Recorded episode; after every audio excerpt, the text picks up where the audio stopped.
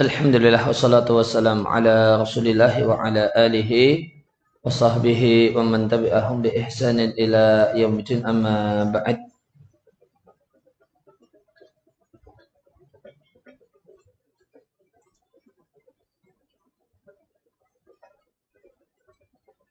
Muslimin rahimani wa rahimakumullah sebelum kita lanjutkan saya ingin bacakan syarah untuk hadis yang ada di halaman 155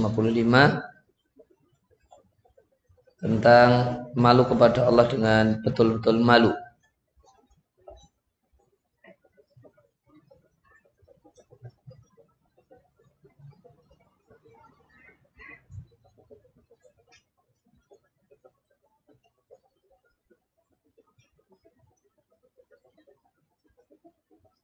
Karena Nabi katakan tentang malu yang betul-betul malu adalah antah fadha roksa wa ma wa'a.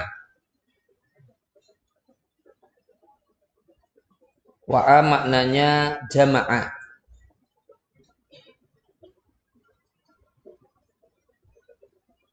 Maka antah fadha roksa, engkau jaga kepala, itu dengan tidak menggunakannya dalam selain ketaatan.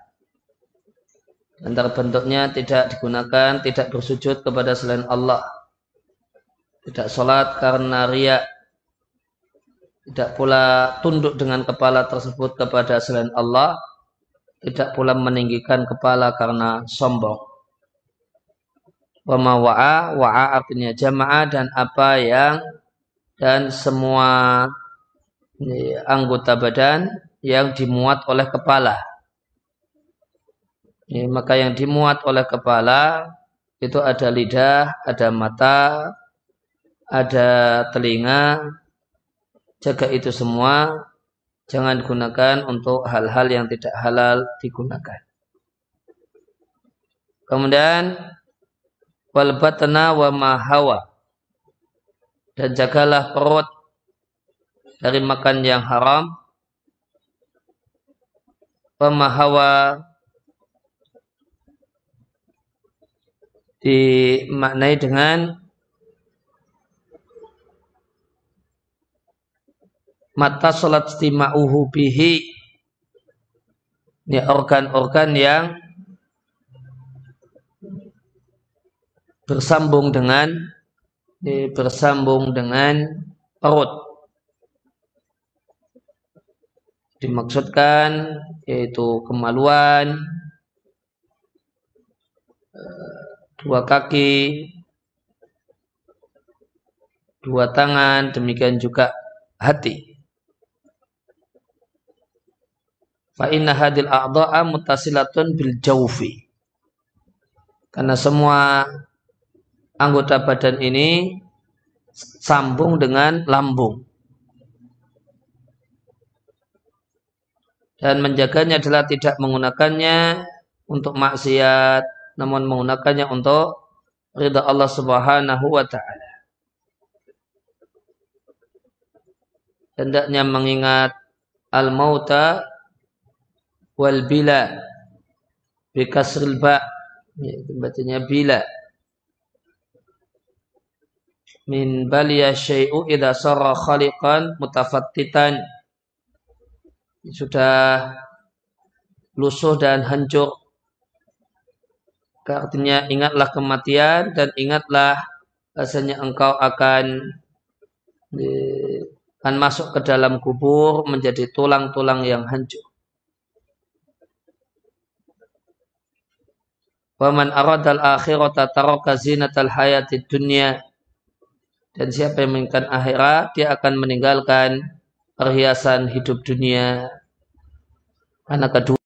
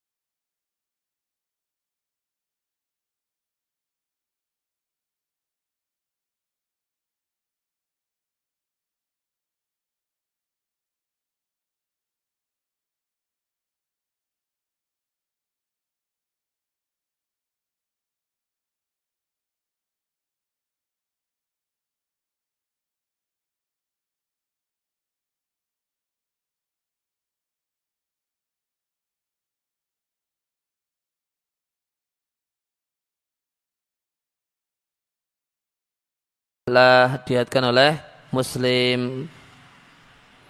Di antara fawaid atau kandungan hadis ini keutamaan para sahabat radhiyallahu anhum atas umat Islam. Di antara keutamaan atau jasa mereka adalah mereka nukilkan, mereka transfer kepada umat ini satu ilmu yang banyak dari Nabi Shallallahu Alaihi Wasallam dan mereka antusias untuk bertanya kepada Nabi hal-hal yang manfaat bagi umat. Isi hadis ini eh, perkataan Nabi kepada salah satu umat, contohnya kepada Sufyan ibn Abdullah, mencakup semua individu umat Islam. Kemudian isi hadis ini bertanya tentang sesuatu yang sedikit kata-katanya namun banyak pesan dan kandungannya. Fihi isi hadis ini hendaknya seorang itu antusias untuk mendapatkan ilmu yang dia tidak akan mendapatkan keraguan-raguan setelah memiliki ilmu tersebut. Oleh karena itu Sufyan bin Abdullah mengatakan ucapan yang tidak akan aku tanyakan tentangnya kepada siapa pun eh, selain dirimu. Fihi isi hadis ini keistimewaan iman dan istiqomah dan betapa besar ganjaran keduanya. Allah Azza wa Jalla berfirman, Innaladina qalu rabbuna Allah dan orang-orang yang mengatakan bahasanya Rabb kami adalah Allah kemudian istiqomah akan turun kepada mereka malaikat ketika mereka hendak meninggal dunia malaikat mengatakan janganlah engkau takut, janganlah engkau bersedih, bergembiralah dengan surga yang dijanjikan kepadamu. Eh, yang dimaksud dengan Rabbun Allah terkandung di dalamnya makna ilah. Karena jika Rabb disebut sendirian, terkandung padanya makna ilah, demikian juga sebaliknya. Terdapat bahasanya terdapat riwayat kalau Nabi Shallallahu Alaihi Wasallam membaca ayat ini kemudian mengatakan Qad nasu thumma kafar aktsaruhum ya, banyak orang mengatakannya kemudian mayoritas mereka kafir maka siapa yang mati di atas kalimat tersebut maka dia adalah termasuk orang yang istiqomah. Kemudian sabda Nabi kul amantu billahi fihi isi hadis ini dalil bahasanya di antara rukun iman adalah ucapan. Wa anna la yasihu dan sebenarnya tidaklah tidaklah benar membatasi iman dengan keyakinan-keyakinan hati saja. Karena iman itu memiliki sejumlah rukun yaitu tiga rukun. Yang pertama ucapan dengan lisan, keyakinan dengan hati. Demikian juga ya, ya, bil qalbi wal jinan dua-dua artinya, hati bil qalbi hati wal jinan hati kemudian yang ketiga wal amalu bil jawarihi wal arkan beramal dengan anggota badan dan anggota badan. Maka di antara rukun unsur rukun nama atau rukun pembentuk iman adalah ucapan. Ini diambil dari perkataan Nabi kul katakanlah ucapkanlah. Ya, dan ini menyelisihi sebagian para ahli fikih yaitu maksudnya ahli fikih kufah ya, yang disebut dengan murjiatul fukuha yang mengatakan bahasanya amal amal badan tidaklah termasuk dalam pengertian iman. Maka fahada maka ucapannya adalah di antara bentuk mengakhirkan amal dari iman. Mengakhirkan di sini artinya tidak memasukkan. Irja makna letterlaknya mengakhirkan. Yang dimaksud mengakhirkan tidak memaksud tidak memasukkan amal badan dalam pengertian iman. Dan ini adalah perkataan yang salah.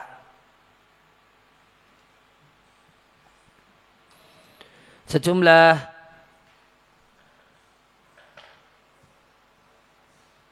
Fakat istadalah ta'ifatun bil hadisi. Sejumlah ulama mendalili berdalil dengan hadis ini ala hadal qaulil khati'i untuk satu perkataan yang salah. Satu perkataan yang salah ini mereka mengatakan ya ada perbedaan antara iman dengan istiqomah. Mereka tafsirkan istiqomah dengan amal badan, sedangkan iman itu keyakinan hati. Maka ini adalah penjelasan adalah penjelasan yang salah karena istiqomah tidaklah terbatas pada amal anggota badan saja namun juga mencakup amal hati berupa berharap, rasa takut dan semacam itu. Juga mencakup ucapan Falayatakamu al-insanu maka seorang itu tidak boleh berkata-kata yang haram Demikian juga mencakup perbuatan.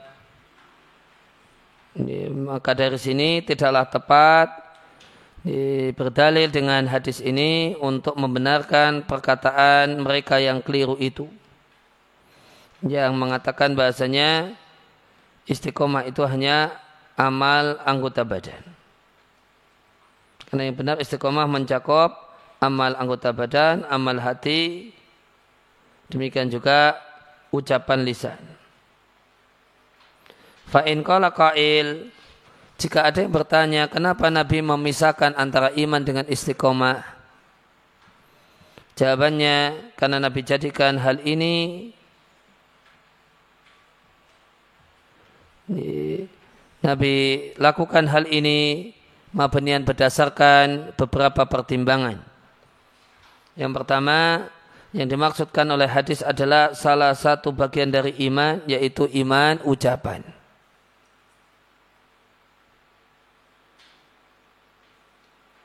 Yang kedua, istiqomah itu eh, istiqomah dengan semua unsurnya, istiqomah hati, istiqomah lisan, istiqomah anggota badan.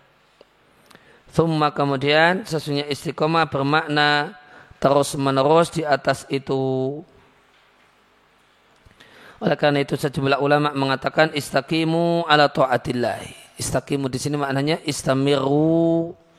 Teruslah kalian hendaklah kalian tidak pernah bosan untuk taat kepada Allah. Kemudian yang ketiga, anaulayam tani tidaklah mustahil, tidaklah ter layam la annahu la yamtani'u tidaklah tertolak, tidaklah terlarang kalau hadis ini adalah atful khas alal am. Istiqomahnya itu khas, imannya itu am. Iman itu cakupannya luas, istiqomah itu lebih sempit. Kemudian hadis ini dalil bahasanya kosakata istiqomah adalah kosakata syar'i ditujukan untuk orang yang terus menerus taat kepada Allah Azza wa Jalla. Dan hadis ini dalil disyariatkannya seorang itu meninggalkan meninggalkan itiba'u hawahu mengikuti hawa nafsu. Dan sesungguhnya seorang muslim semestinya memberikan respon positif terhadap perintah-perintah Rabbnya Jalla wa'ala dan dalil hal ini adalah firman Allah Subhanahu Falidhalika fada'u wastaqim kama umirta. Oleh karena itu maka berdoalah wastaqim dan istiqomahlah sebagaimana yang diperintahkan. Dan janganlah engkau mengikuti hawa nafsu mereka ya, maka istiqomah yang diperintah eh, istiqomah yang diperintahkan adalah istiqomah sebagaimana yang diperintahkan. Dan istiqomah sebagaimana yang diperintahkan itu e, berkebalikan dengan mengikuti hawa nafsu. Maka ayat ini dalil bahasanya istiqomah itu dengan mengikuti perintah-perintah syar'i. Dan di antara hal yang bertolak belakang dengan istiqomah adalah itiba'ul hawa, mengikuti hawa nafsu. Waqad qala jalla wa ala aidan Allah jalla wa ala berfirman Katakanlah wahai sang nabi aku hanyalah manusia semisal kalian yuha ilayya aku diberi wahyu annama ilahukum ilahu wahid sesungguhnya sesembahan kalian adalah sesembahan yang esa fastaqimu ilaih wastaghfiruh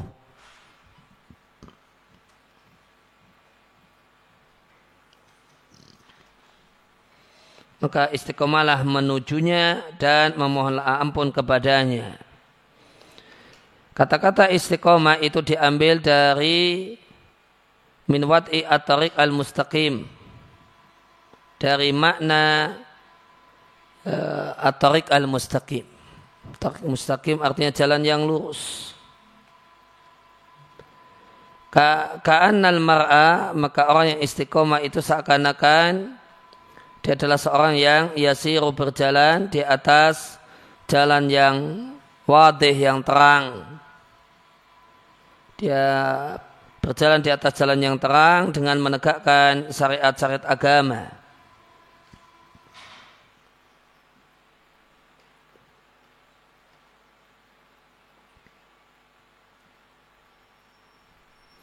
Terdapat dalam Musnad Imam Ahmad bahasa Nabi Shallallahu Alaihi Wasallam bersabda, istaqimu walan tuhsu. Istiqomalah kalian dan janganlah dan kalian tidak akan mampu menghitung dan ketahuilah bahasa yang sebaik amal-amal kalian adalah salat dan tidak ada orang yang menjaga wudhu kecuali orang yang betul-betul beriman. Maka istiqomah itu mencakup isi hati berupa terus menerus mengisahkan Allah Azza wa Jalla. Oleh karena itu Abu Bakar As-Siddiq radhiyallahu taala anhu ketika menjelaskan firman Allah Innaladina qalu rabbuna Allah tsumma istaqamu ya, beliau memaknainya dengan tauhid. Kata Abu ghairihi tidak menoleh kepada selain Allah Subhanahu wa taala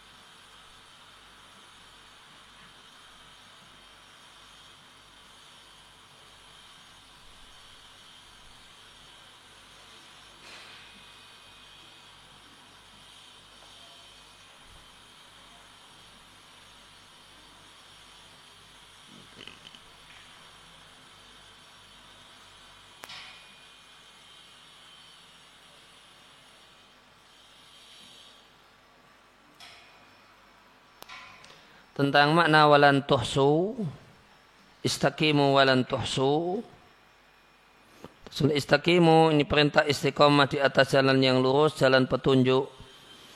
Kemudian walan tuhsu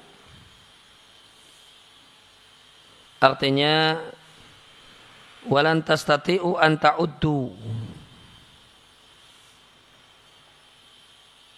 Kalian tidak akan mampu untuk menghitung dan menyempurnakan semua bentuk-bentuk kebaikan dan ketaatan dengan daya dan kekuatan kalian dengan kerajinan dan kemampuan kalian. Bahkan kalian tidak akan mampu. Dan selayaknya memang kalian tidak akan mampu meskipun kalian kerahkan semua kemampuan kalian. Jadi ada ini. Penjelasan yang pertama. Walan tuhsu artinya kalian tidak akan mampu menghitung dan sempurna. Sempurna. Ya, intinya kalian tidak akan bisa sempurna. Sebagus apa pun seorang itu tetap ada terplesetnya. Namun ketika terpleset ya balik lagi istiqomah lagi. Uh, pendapat yang kedua tentang tuhsu wakila al makna lantusu sawabaha. Kalian tidak akan bisa menghitung pahala istiqomah.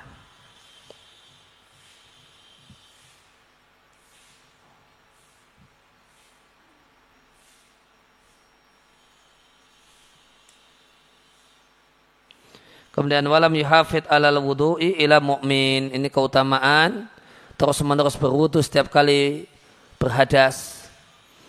Yang kalau dalam bahasa Jawa disebut gantung wudu. Maknanya tidaklah seorang muslim terus menerus melanggengkan wudhu dan tohara setelah hadas kecuali wakat istakmala imanuhu. Kecuali imannya adalah iman yang sempurna dan yakinnya yakin yang sempurna. Karena wudhu adalah termasuk ketaatan yang paling mulia dan wudhu itu berat terutama di musim dingin dan terutama ketika sibuk sehingga tidak ada yang bisa selalu berwudu dalam kondisi wudu kecuali orang-orang yang betul percaya kepada Allah dan Rasulnya dan keutamaan apa yang keutamaan wudu yang diperintahkan.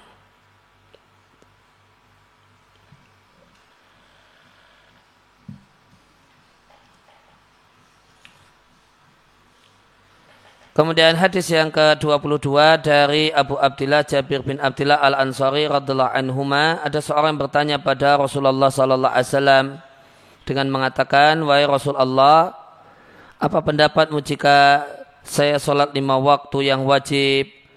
Puasa Ramadan ku halalkan yang halal ku haramkan yang haram dan aku tidak lebih dari hal itu sedikit pun. Apakah aku akan masuk surga Kala Nabi mengatakan na'am iya. Kala orang tersebut mengatakan, Wallahi demi Allah tidak akan aku tambahkan apa pun lebih dari hal itu diatkan oleh muslim.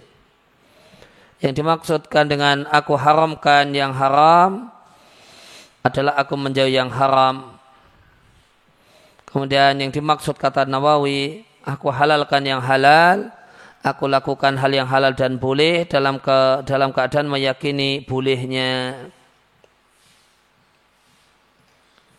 Pelajaran atau fawaid dari hadis ini antusias sahabat Ridwanullah alaihim untuk hal-hal yang bermanfaat dan antusias bertanya perkara-perkara yang penting. Fihi isi hadis ini perkataan Nabi untuk salah satu umat itu mencakup semua umat. Walidhalika oleh karena itu maka sahabat Jabir tidaklah memberikan perhatian untuk menceritakan nama si penanya. Karena ini berlaku untuk semuanya. Dan fihi isi hadis ini bahasanya sholat yang fardu itu wajib dan sebuah keniscayaan dikerjakan oleh para hamba dan semisal itu puasa Ramadan tidak boleh meremehkannya. Dan sholat yang wajib adalah lima sholat dalam sehari semalam sebagaimana dalam hadis Mu'ad. Eh, dan yang dimaksud dengan hadis Mu'ad adalah hadis Ibnu Abbas berisi pesan-pesan Nabi kepada Mu'ad. Yang ini menyelisih kaidah dalam masalah penamaan dan penyebutan hadis. Fa'alimhum beritahukan pada mereka bahasanya Allah wajibkan pada mereka lima sholat dalam sehari semalam.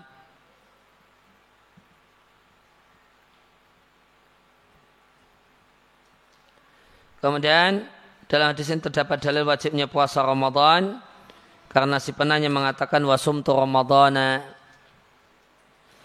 Dan di sini ada iskal hal yang membingungkan yaitu tidak disebutkannya haji Fakila bi'anal hadis muntaqaddam. Maka ada yang menjawab bahasanya hadis ini lebih dulu daripada kewajiban haji. Dan bahasanya haji belum datang kewajibannya kecuali di tahun-tahun belakangan. Ini menurut salah satu pendapat, haji itu di, di, baru diwajibkan di tahun 9 Hijriah. Demikian juga uh, timbul iskal dan kebingungan dengan tidak disebutkannya zakat. Maka ada yang memberikan jawaban. Nabi Shallallahu Alaihi Wasallam mengetahui bahasanya orang ini tidak memiliki harta. Oleh karena itu Nabi tidak jelaskan baginya hukum zakat. Wakil penjelasan yang kedua bahasanya orang ini jika dia punya harta dia akan mengetahui wajibnya zakat. Oleh karena itu, tidaklah disebutkan zakat kepada orang itu dikarenakan dia telah tahu dalam dirinya tidak wajibnya zakat atas dirinya.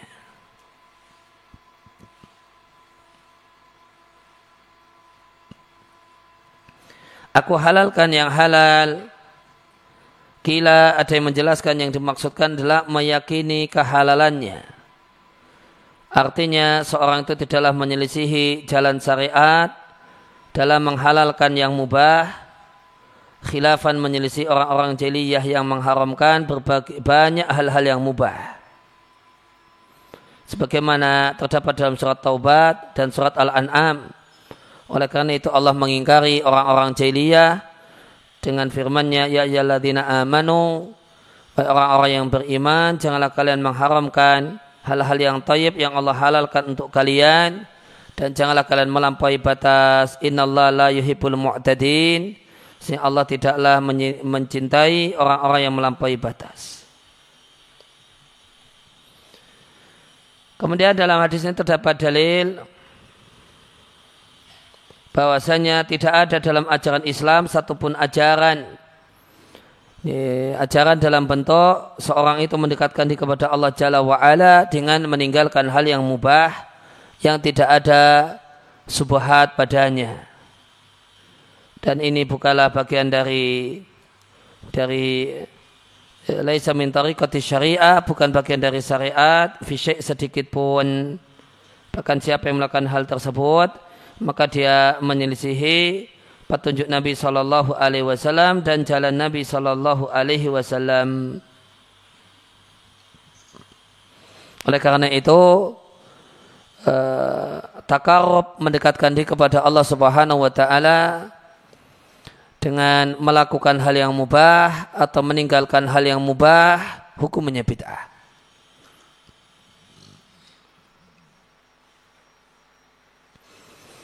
Karena hal yang mubah itu mubah, netral. Dia bisa bernilai ibadah kalau jadi sarana. Maka menjadikan takarub dengan melakukan hal yang mubah atau dengan meninggalkan hal yang mubah itu hukumnya bid'ah. Satu perbuatan yang tercela ya, dan dengan label dengan label tepatnya adalah bid'ah. dan, dan, uh, dan hal ini telah Nabi ingkari karena dengan tiga orang yang datang ke rumah istri Nabi dan bertanya tentang ibadahnya Nabi. Salah satu mereka mengatakan di salah satu versi, hadis saya tidak akan makan daging selamanya.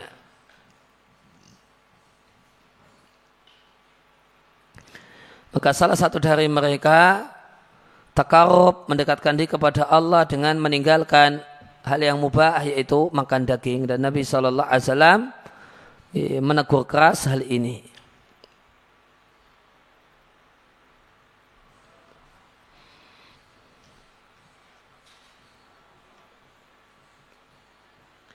Kemudian aku mengharamkan yang haram, dimungkinkan yang dimaksudkan adalah meyakini haramnya hal yang haram. Sebagaimana perkataan sejumlah ulama, dan ini berarti sama dengan pengertian menghalalkan yang halal. Pendapat yang kedua mengatakan yang dimaksud dengan haram tul harama itu sebagaimana tafsirnya atau penjelasan dari An-Nawawi adalah meninggalkan yang haram. Dan inilah penjelasan yang disebutkan oleh penulis An-Nawawi rahimallahu taala. Ya, An-Nawawi mengatakan ya, makna haram tul haram adanya istanabtu Dan dimungkinkan yang dimaksudkan adalah dua-duanya. Uh, isi hadis ini siapa yang mencukupkan diri dengan yang wajib dan meninggalkan yang haram maka dia adalah bagian dari penghuni surga. Akan tetapi yang dimaksudkan dengan hal itu menjadi penghuni surga dengan semata-mata hal ini adalah manakala bisa melakukan hal-hal ini secara sempurna meninggalkan uh, melakukan hal yang wajib secara sempurna, meninggalkan hal yang haram secara sempurna. Adapun orang yang melakukannya namun tidak sempurna, tidak dalam bentuknya yang ideal yang disyariatkan, maka maka amalnya pada saat itu tidak sah. Wa min thamma oleh karena itu amal tersebut tidak menyelamatkannya kecuali jika ada alasan tertentu semacam tidak tahu dan semacam itu.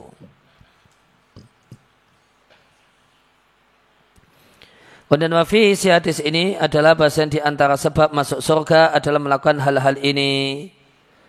Wakat waradah dan terdapat dalam hadis bahasa Nabi Shallallahu Alaihi Wasallam mengkaitkan masuk surga dengan sebagian perkara ini. Nabi bersabda tentang sholat lima waktu. Siapa yang datang menghadap Allah dengan membawa sholat lima waktu dan dia tidak menelantarkan sedikit pun dari sholat karena meremehkan kewajiban sholat lima waktu. Maka di sisi Allah dia punya perjanjian perjanjiannya Allah akan masukkannya ke dalam surga. Dari hadis tersebut Nabi tidak menyebutkan puasa dan zakat. Di hadis yang lain Nabi katakan siapa yang sholat di dua uh, sholat yang dingin yaitu subuh dan asar dakhalal jannata pasti masuk surga. Wala Allah hada dan boleh jadi hal ini adalah yuradubi yang dimaksudkan adalah labuta tidak boleh tidak harus terkumpulnya perbuatan-perbuatan ini. Jadi nas-nas tadi harusnya digabungkan. Sehingga nas-nas tersebut mutlak kemudian ditakyid dengan nas yang lain. Kemudian hadis ini dalil bahasanya masuk surga adalah cita-cita yang benar. Sehingga boleh bagi seorang untuk melakukan ketaatan dan amal ibadah dan ibadah dalam rangka supaya Allah memasukkannya ke dalam surga.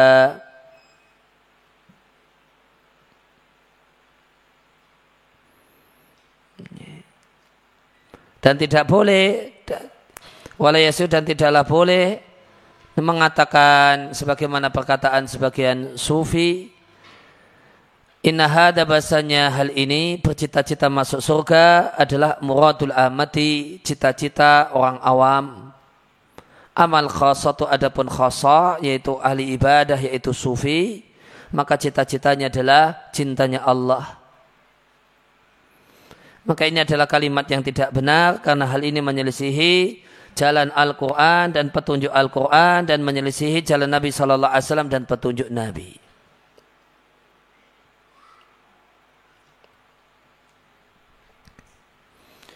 Kemudian kauluhu lam azid ala dalika syai'an a'adkhulu jannata fihi isi hadis ini bolehnya mencukupkan diri dengan melakukan hal yang wajib dan meninggalkan hal yang haram. Kemudian Nabi kala yakni Nabi ya sallallahu alaihi wasallam yang mengatakan adalah Nabi, Nabi mengatakan na'am iya. Yakni artinya jika engkau melakukan kewajiban sungguh engkau akan masuk surga.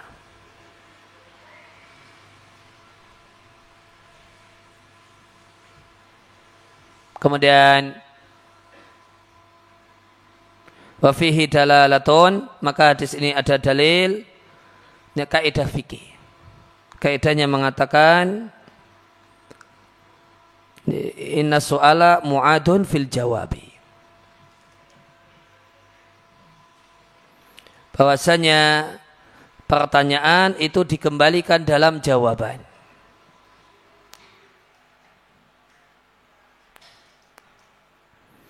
Semacam seorang mengatakan uh, sehingga seakan-akan Nabi mengatakan Naam idza salaital maktubati Naam itu di belakangnya ada kalimat sebagaimana teks jawab, sebagaimana pertanyaan. Itu maksudnya.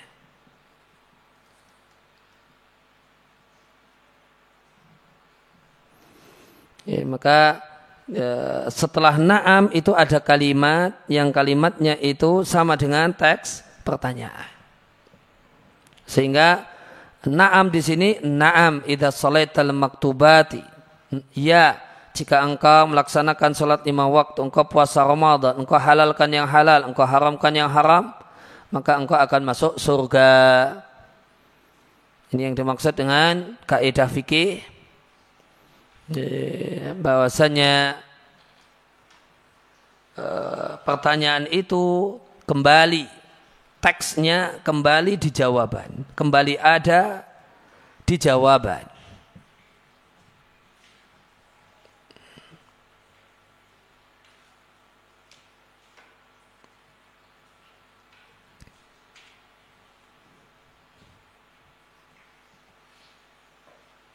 Maka ketika seorang istri mengatakan, bukankah engkau menceraikanku? Kemudian suaminya mengatakan, naam. Maka menurut kaidah, maka menurut kaidah berarti naam iya aku menceraikanmu. Maka terjadilah talak maka terjadilah di talak.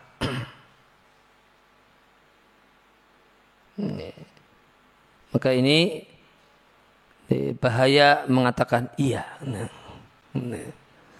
Tidak boleh main-main dengan dengan iya. Karena soal muadun fil jawab. Iya itu iya apa dulu? Disimak baik-baik baru kemudian e, sepakat baru bilang iya. Jangan asal iya. Jangan kemudian mengatakan saya mengiyakan dan saya tidak mikir. Saya mengiyakan dan saya tidak tahu apa yang saya iyakan. Ya, tidak boleh demikian. Kemudian dalam hadis ini Isi hadis ini bahasanya sahabat itu perhatian dengan masalah surga. Dan mereka rahibu fi, mereka berminat kuat untuk mendapatkan surga. Wadalika dan hal tersebut li idhami ma fil jannati minan na'im. Karena nikmat yang lebih yang luar biasa yang ada dalam surga. Karena surga itu ihtawat memuat mala ainun ro'at. Ya, apa nikmat yang belum pernah dilihat oleh mata, belum pernah didengar oleh telinga, dan belum pernah terlintas di hati manusia. Sebagaimana firman Allah Ta'ala, Fala ta'lamu nafsun ma lahum min qurrati ayun.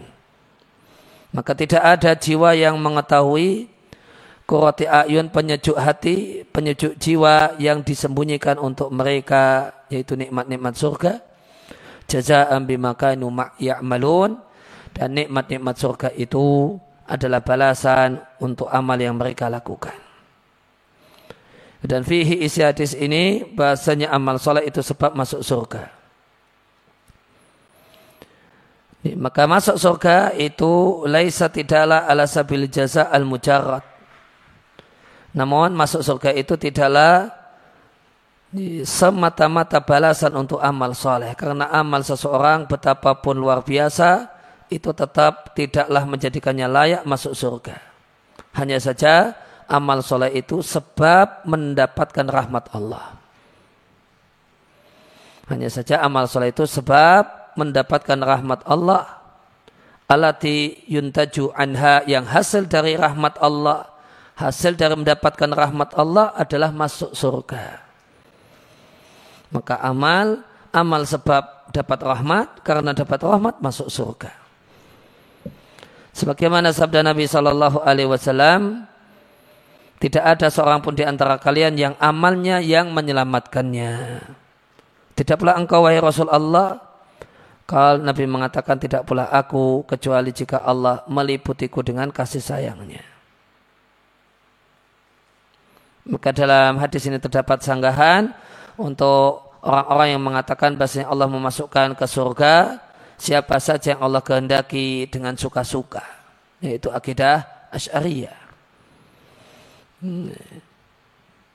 Biasanya ya, semuanya terserah kehendak Allah dalam pengertian ya boleh saja Allah masukkan orang kafir ke dalam surga dan boleh saja ya, orang yang beriman malah disiksa di dalam neraka. Sehingga karena uh, karena Allah itu uh, mereka yakini Allah memasukkan ke dalam surga siapa saja Allah kehendaki sebabnya karena tidak ada hubungan antara amal dengan masuk surga ini karena amal bukan sebab masuk surga dan sebab tidak memiliki efek pada musabab kata dalam keyakinan Asy'ariyah. Maka hadis ini menyanggah pendapat ini. Kemudian hadis yang ke-23 kalau musannif rahimallahu taala dari Abu Malik Al-Haris Ibn Asim Al-Asy'ari radhiyallahu anhu Rasulullah sallallahu alaihi wasallam bersabda At-tuhuru bersuci itu separuh iman. Ucapan Alhamdulillah itu memenuhi timbangan amal. Ucapan Subhanallah dan Alhamdulillah keduanya memenuhi atau memenuhi ruang antara langit dan bumi. Solat itu cahaya, sedekah itu bukti, sabar itu cahaya yang panas. Al-Quran itu argumen yang akan membelamu atau akan menggugatmu. Semua orang di waktu pagi ada yang menyelamatkan dirinya dengan memerdekakan dirinya dan ada yang membinasakan dirinya. Dilihatkan oleh Muslim. Faba'i'un nafsahu saya terjemahkan dengan menyelamatkan dirinya. Jangan diterjemahkan dengan menjual dirinya. Nih, kalau dalam bahasa Indonesia menjual diri itu nih, kalau laki-laki jadi gigolo berarti. Nah. Laki menjual diri jadi gigolo. Maka nih, jangan diterjemahkan terlak bahaya sekali. Nih. Maka ada yang pagi-pagi menjual diri. Waduh, pagi-pagi jadi gegulu. Nah, pagi-pagi menyelamatkan dirinya dengan membebaskan dirinya. Atau ya, mencelakakan dirinya. Diatkan oleh muslim. Hadis ini hadis yang agung. Is, uh, mengandung ma'ani kuliah. Pesan-pesan general yang merupakan bagian dari pesan-pesan syariat. Bersuci itu separuh iman. Tuhur kalau toknya di doma adalah perbuatan yang dilakukan oleh seseorang untuk bersuci. Kalau tohur, toknya di fathah, maka dia adalah alat untuk bersuci.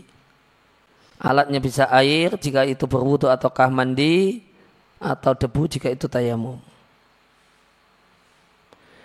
Dan bersuci di sini boleh jadi yang dimaksudkan adalah bersuci secara fisik, dengan menjauhi berbagai macam kotoran dengan berwudu dan mandi dan semacam itu.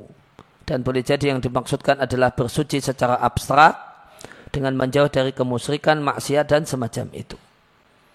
Sejumlah ulama menguatkan makna yang kedua. Ini. Kalau pakai makna yang kedua, bersuci adalah bersuci abstrak, maka makna hadis perbuatan manusia terhadap hukum syariat itu ada dua kemungkinan. Yang pertama meninggalkan yang haram. Nah inilah yang kita komentari dengan bersuci. Dan yang kedua melakukan hal yang diperintahkan. Nah sehingga eh, sehingga iman itu isinya dua melaksanakan yang diperintahkan ini separuh yang pertama separuh yang kedua meninggalkan yang haram dan itulah bersuci secara abstrak.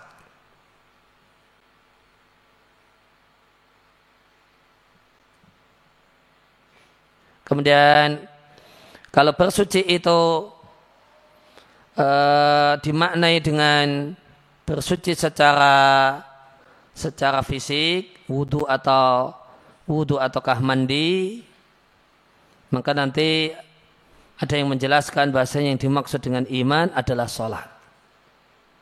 Sehingga jadilah makna jadilah makna hadis bersuci itu separuhnya sholat. Kenapa? Karena bersuci adalah syarat sah sholat. Ketika syarat-syarat sholat itu sudah terpenuhi, yang tersisa tinggal melakukan sholat. Maka separuh maka separuh sudah terlaksana. Dan jika pakai penjelasan ini, maka hadis ini dalil bahwasanya amal badan itu bagian dari iman.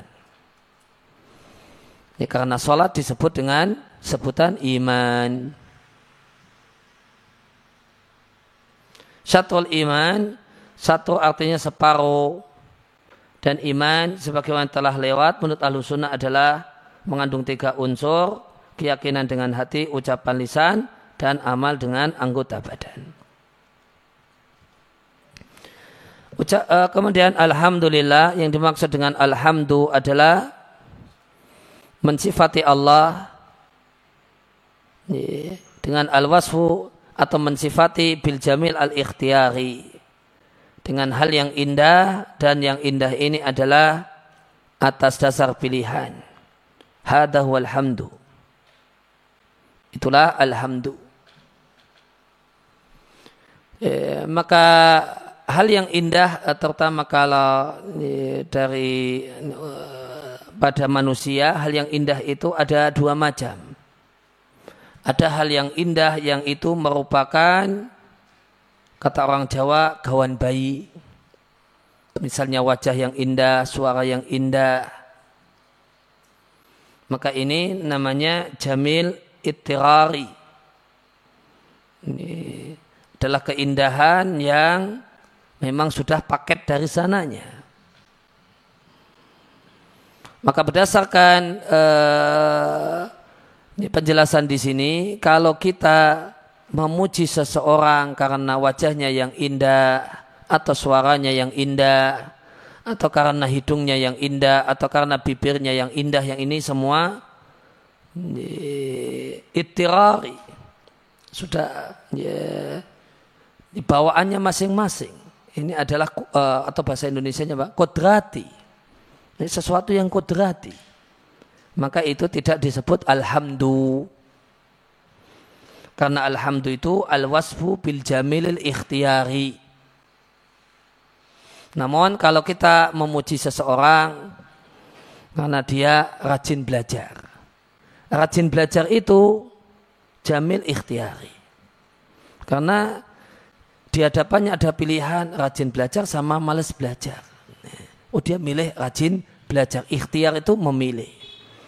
Dia memilih untuk rajin belajar. Maka ini namanya jamil ikhtiari. Atau kemudian eh, misalnya rajin ibadah, rajin puasa sunnah, rajin sholat sunnah itu jamil, itu satu hal yang indah, satu hal yang bagus. Dan bagusnya itu ikhtiari. Di atas pilihannya sendiri. Maka ketika kita memuji seseorang karena dia rajin dia sholat sunnah, rajin puasa sunnah, dia rajin belajar, rajin ke masjid dan seterusnya, maka pujian kepada orang tersebut namanya alhamdulillah. Karena alhamdu al-wasfu bil jamili al-ikhtiyari. Nah, ini terutama berkaitan kalau dengan dunia manusia. Ini, karena hal yang bagus, hal yang indah yang dilakukan oleh manusia boleh jadi ikhtiari dan boleh jadi ittirari.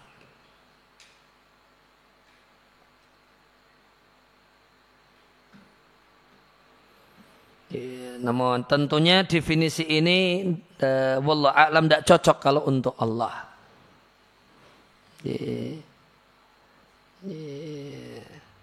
Ya maka ya kalau untuk Allah ya alhamdulillah itu memuji Allah dengan sifat-sifat yang mulia gitu saja. Tanpa perlu ada kata-kata ikhtiari. Maka alhamdulillah al-kamil, pujian yang sempurna, yang tidak mengalami naksun kekurangan albatata sama sekali itu itu kekhususan Allah azza wa jalla sehingga alhamdulillah di sini alif lamnya adalah ahdiyah yaitu alhamdu yang sempurna.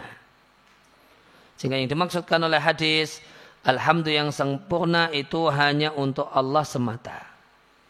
Adapun alhamdu pujian yang uh, terkandung padanya syai'un naqsi, ada unsur yang tidak sempurna, maka ini boleh jadi bisa diberikan kepada selain Allah Jalla wa ala.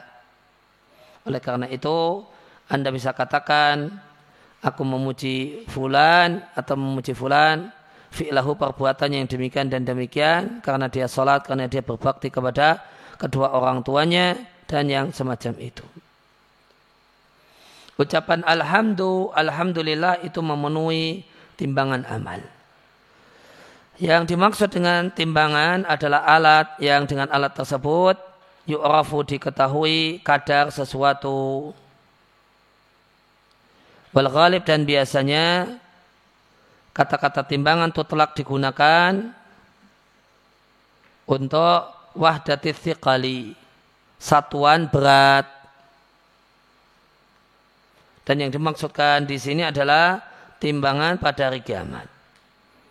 Subhanallah itu artinya mensucikan Allah Jalla wa'ala dari hal-hal yang tidak layak bagi Allah berupa sifat-sifat yang nakas, sifat yang tidak sempurna dan termasuk dalam hal ini mensucikan Allah dari kesamaan dengan makhluk. Maka ucapan subhanallah dan alhamdulillah memenuhi ruang antara langit dan bumi. Artinya dua kalimat ini subhanallah dan alhamdulillah a'zam minal jumlati al-wahidati. Itu lebih uh, lebih besar daripada satu kalimat saja yaitu alhamdulillah.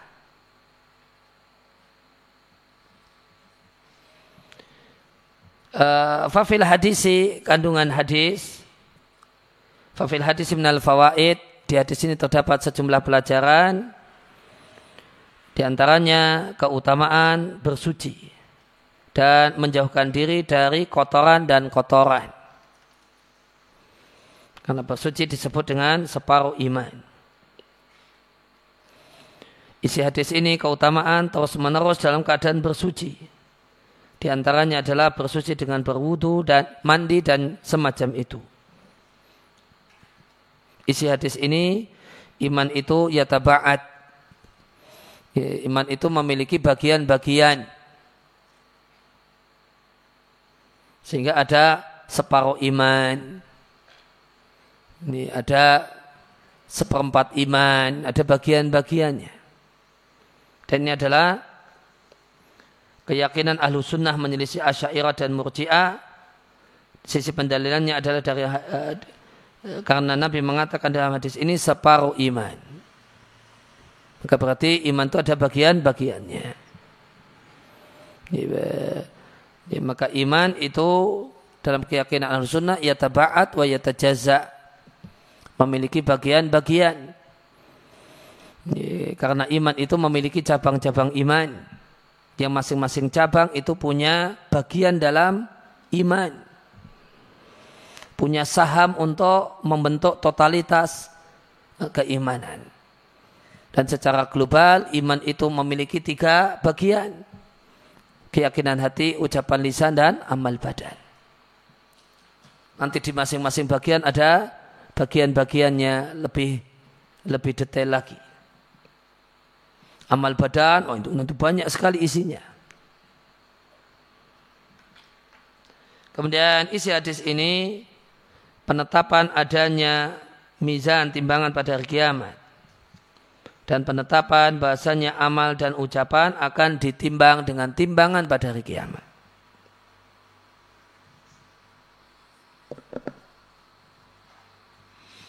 Dan isi hadis ini menetapkan bahasanya amal, amal fisik berupa ucapan,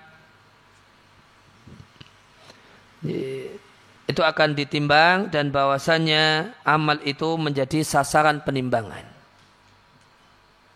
Isi hadis ini menetapkan betapa adilnya Allah Azza wa Jalla. Karena Allah tidaklah memasang timbangan kecuali karena keadilannya. Allah Ta'ala berfirman, وَنَضَعُ الْمَوَازِينَ الْقِسْطَةِ Kami pasang timbangan yang adil pada hari kiamat. Maka tidak ada satupun jiwa yang didolimi sedikit pun Meskipun hanya seberat biji sawi, akan kami datangkan amal tersebut dan cukuplah kami sebagai pihak yang menghisap atau memperhitungkan amal. Dan terdapat dalam sejumlah hadis bahasanya mizan timbangan amal pada hari kiamat diletakkan padanya amal.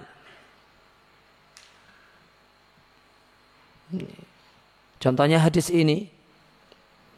Kemudian terdapat dalam sejumlah hadis yang lain yang diletakkan di timbangan pada hari kiamat adalah orangnya itu sendiri. Sebagaimana perkataan Nabi untuk betisnya Ibnu Mas'ud. Nabi katakan di catatan kaki walladzi nafsi biyadihi lahuma athqalu fil mizani min uhudin. Demi Allah zat yang nyawaku ada di tangannya, sungguh dua betisnya Ibnu Mas'ud yang kecil dan mungil itu lebih berat di mizan dibandingkan gunung Uhud. Maka berarti yang ditimbang orangnya. Kemudian terdapat dalam sebagian hadis bahasanya yang ditimbang di timbangan pada hari kiamat adalah lembaran-lembaran yang tertulis padanya amal. Di antaranya adalah hadis bitokoh. E, tidak ada kontradiktif di antara e, tiga jenis hadis ini karena kesimpulannya layam tani'u ayakunal wasnu likullin minha. Tidak me, tidaklah menutup kemungkinan bahasanya yang ditimbang adalah semuanya tiga-tiganya. Kemudian fihi isi hadis ini penjelasan bahasanya amal itu setiap kali aksar lebih banyak maka pahalanya lebih besar. Sehingga ucapan subhanallah walhamdulillah itu lebih besar dibandingkan ucapan Alhamdulillah saja. Sehingga ucapan itu makin banyak, maka pahalanya makin besar. Hada fil jumlati, demikian kesimpulannya secara global. Lakin kot yakunu hunaka ba'dul alfat, namun ada beberapa redaksi yang beberapa kalimat yang memiliki keistimewaan dibandingkan kalimat-kalimat yang lain. Terdapat dalam sejumlah hadis motivasi uh, untuk membaca beberapa jenis zikir.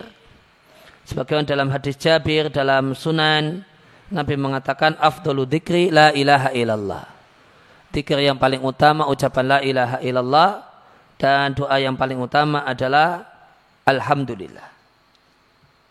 Sebagaimana terdapat dalam hadis yang lain, ada empat kalimat yang merupakan afdalul kalami.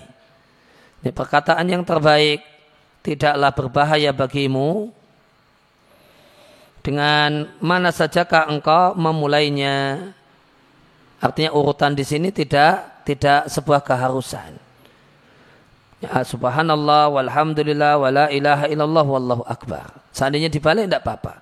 Allahu akbar la ilaha illallah alhamdulillah subhanallah. Kemudian di hadis yang lain dua kalimat yang habibatani ila rahman dicintai oleh Allah ar-Rahman dan sakilatani fil mizan berat dalam timbangan dan enteng diucapkan oleh lisan subhanallah wa bihamdihi subhanallahil azim.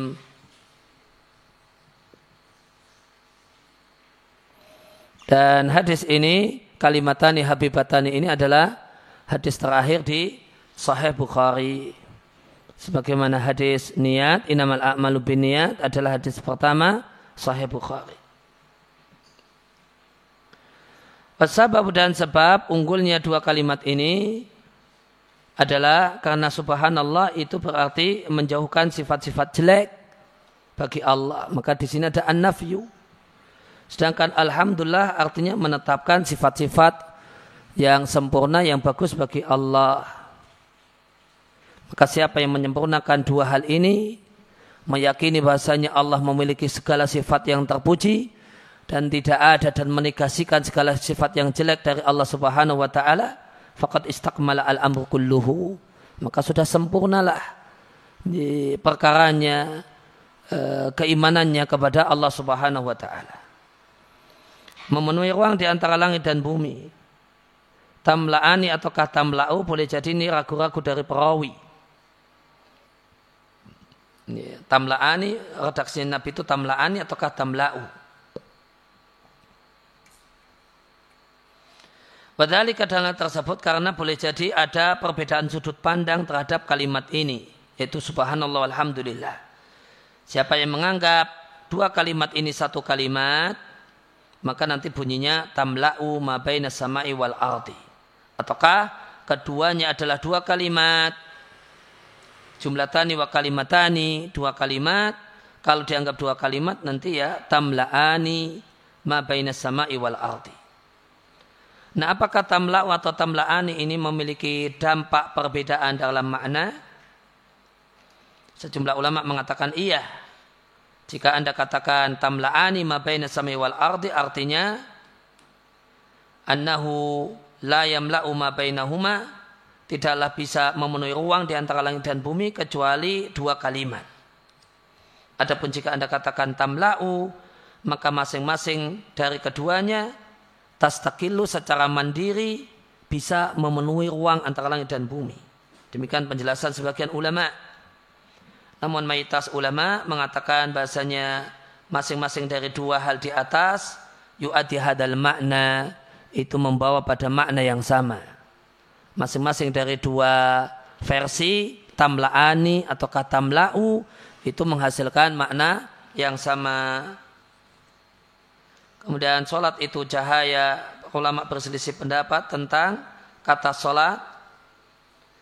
Sejumlah ulama mengatakan alif lam di sini jinsia sehingga semua jenis sholat baik sholat fardu ataukah sholat sunnah. Pendapat kedua mengatakan as sholat di sini alif lamnya ahdiyah sehingga hanya dimaknai dihamil. Hamil itu ditafsirkan dengan sholat fardu saja Wa ala kulin kesimpulannya masing-masing dari dua pendapat ini lahu wajuhun memiliki alasan yang kuat. Dan sholat adalah uh, amal ibadah yang dengannya seorang hamba mendekatkan diri kepada Allah Jalla wa ala. Nurun cahaya artinya dia uh, sholat itu akan memperjelas jalan seorang muslim. Dan sholat itu menjadi sebab stabilnya hatinya. Oleh karena itu Nabi SAW mengatakan penyejuk hatiku terletak dalam sholat. Dan Nabi Shallallahu Alaihi Wasallam jika beliau dikagetkan dengan sesuatu, maka sholat beliau mengerjakan sholat. Wakil makna yang kedua yang dimaksud dengan cahaya adalah sholat itu cahaya yang menerangi seorang muslim, e, menerangi jalan seorang muslim pada hari kiamat. Sebagaimana dalam Sahih Ibnu Hibban, Nabi Shallallahu Alaihi Wasallam bersabda tentang sholat. Siapa yang merutinkan sholat maka dia memiliki cahaya, bukti dan jaminan keselamatan pada hari kiamat. Dan siapa yang tidak rutin sholat, sholatnya bolong-bolong, dia tidak punya cahaya, tidak punya bukti, dan tidak ada jaminan keselamatan. Dalam hadis yang lain, siapa yang sholat lima waktu dengan berjamaah, dia akan melewati sirat jaza, artinya melewati, bukan boleh. Ya. Jaza ala sirat, melewati sirat, seperti kilat yang bercahaya dan dia berada di rombongan pertama minas sabikin orang-orang yang masuk langsung masuk surga dan pada dan dia akan datang pada hari kiamat wajahnya seperti rembulan malam purnama. Hadis ini disebutkan oleh penulis Ma'rifatut Tadkirah.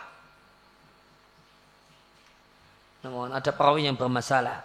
Pendapat yang ketiga, salat itu cahaya artinya sebab seorang itu mendapatkan hidayah di dunia, hidayah untuk melakukan hal-hal yang Allah cintai dan Allah ridai. Hal itu dikarenakan orang yang beriman berdoa dan membaca dalam solatnya ihtinas siratal mustaqim. Maka ketika seorang itu merutinkan membaca dikir ini karena selalu mengerjakan solat, maka Allah Azza wa Jalla akan memberikan hidayah kepadanya.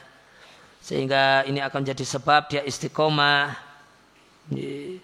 Sehingga jalan yang dia tempuh menuju Allah adalah jalan yang manaran bercahaya, wadihan jelas, jalian jelas. Ini ada tiga penafsiran yang dibawakan oleh uh, penulis, uh, oleh pensara. Demikian Wassalamualaikum ala nabiyina Muhammadin wa ala alihi wa sahbihi wa salam.